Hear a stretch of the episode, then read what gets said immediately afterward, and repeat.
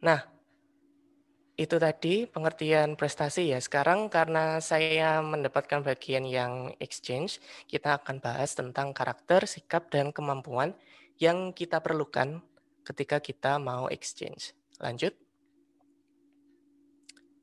Sama seperti Halvi ya, yang paling dasar itu adalah open-minded.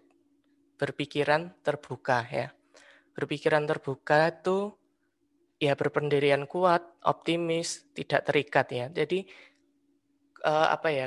Kayak kata Halvi tadi, kalau misal biologi, biologi terus padahal ada banyak kesempatan yang bisa kita peroleh selain dari biologi atau dengan menggabungkan biologi dengan hal lain. Misalnya saya sendiri di bahasa dan sastra Inggris saya belajar namanya psycholinguistics, menghubungkan psikologi dengan bahasa. Makanya saya pernah ngobrol sama Halvi. Sebenarnya bahasa itu mempengaruhi pikiran, Vi. Bahasa itu bisa bikin stres kayak gini-gini gini ya. Itu salah satu contoh open minded ya. Kita harus terbuka. Nggak boleh berpikiran sempit. Kalau sempit itu susah berkembang kita sebenarnya ya. Kita harus berpikiran terbuka.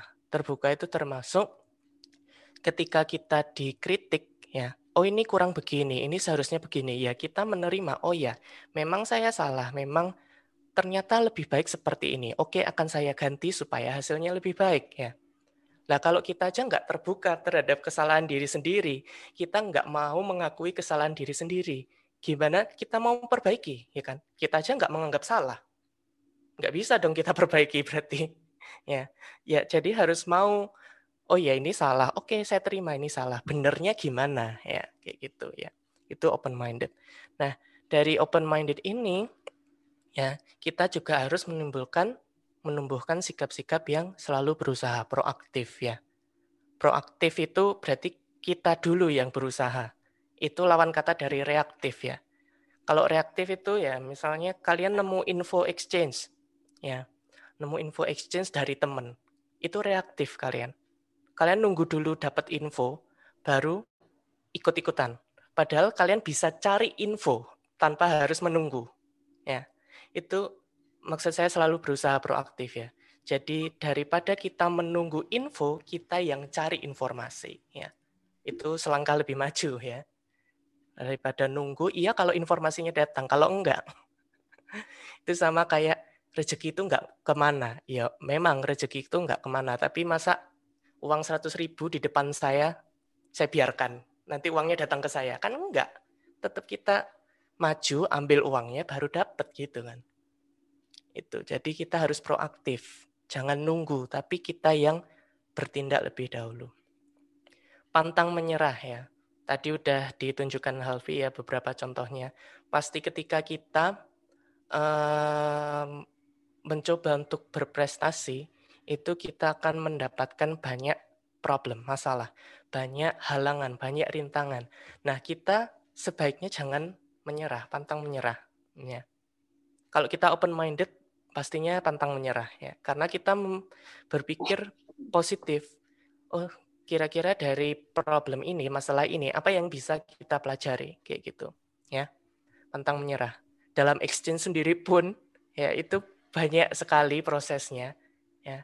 Dan ketika kalian nggak apa pantang menyerah di tengah-tengah, ya udah batal, nggak jadi ya. Saya dulu sempat sama teman saya itu, saking ribetnya ngurusi exchange kayak aduh mau keluar negeri aja kayak gini banget.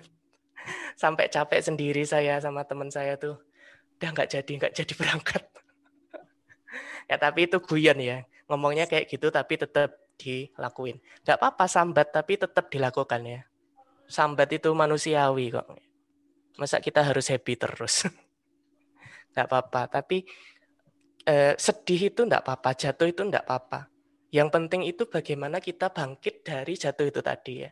Bagaimana kita bangkit dari kesedihan itu tadi. Itu yang penting. Oke. Okay? Tidak malas ya. Ini mendukung sifat yang proaktif tadi ya. Kita nggak boleh malas. Daripada kita rebahan, twitteran, mending kita cari info beasiswa atau info magang, info lomba kayak gitu-gitu ya. Atau kalian mending baca berita. Karena kalau baca Twitter itu biasanya yang dibaca gosip. Ya, ya nggak apa-apa sih kalau kalian analisis misalnya gosip itu. Itu. Ya. Terus tetap tenang. Pasti karena tadi ya, pasti banyak cobaan, kita harus tetap tenang. Gak usah kupuh ya. Ketika kita mendapat mm, problem, kita harus bisa selesaikan dengan tenang. Ketika masalah itu datang dan kita itu bingung sendiri, otak ini tuh ikut bingung. Nggak ngerti, mau menyelesaikan masalah gimana tuh nggak ngerti. Ya, jadi harus tetap tenang. Ya, tenang.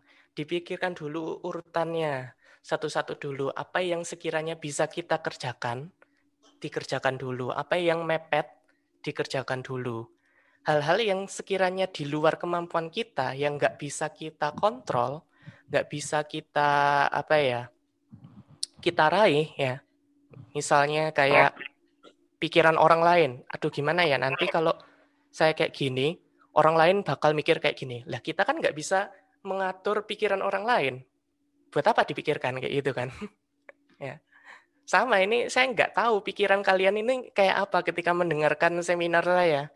Wah masih ki mau eh rai males seminar masih ki rai ngantuk suara ya. I cannot control that. Saya nggak bisa mengatur itu jadi ya nggak usah dipikirkan ya nggak bisa diatur itu nanti malah membebani kita terus akhirnya hal-hal yang seharusnya bisa kita atur bisa kita pikirkan itu malah nggak keurus. Ya. Jadi tetap tenang. Nggak usah guboh, oke? Okay? mau membaca, wah itu penting sekali mau membaca ya. Soalnya apa ya dari membaca itu kita belajar, mau belajar juga ya.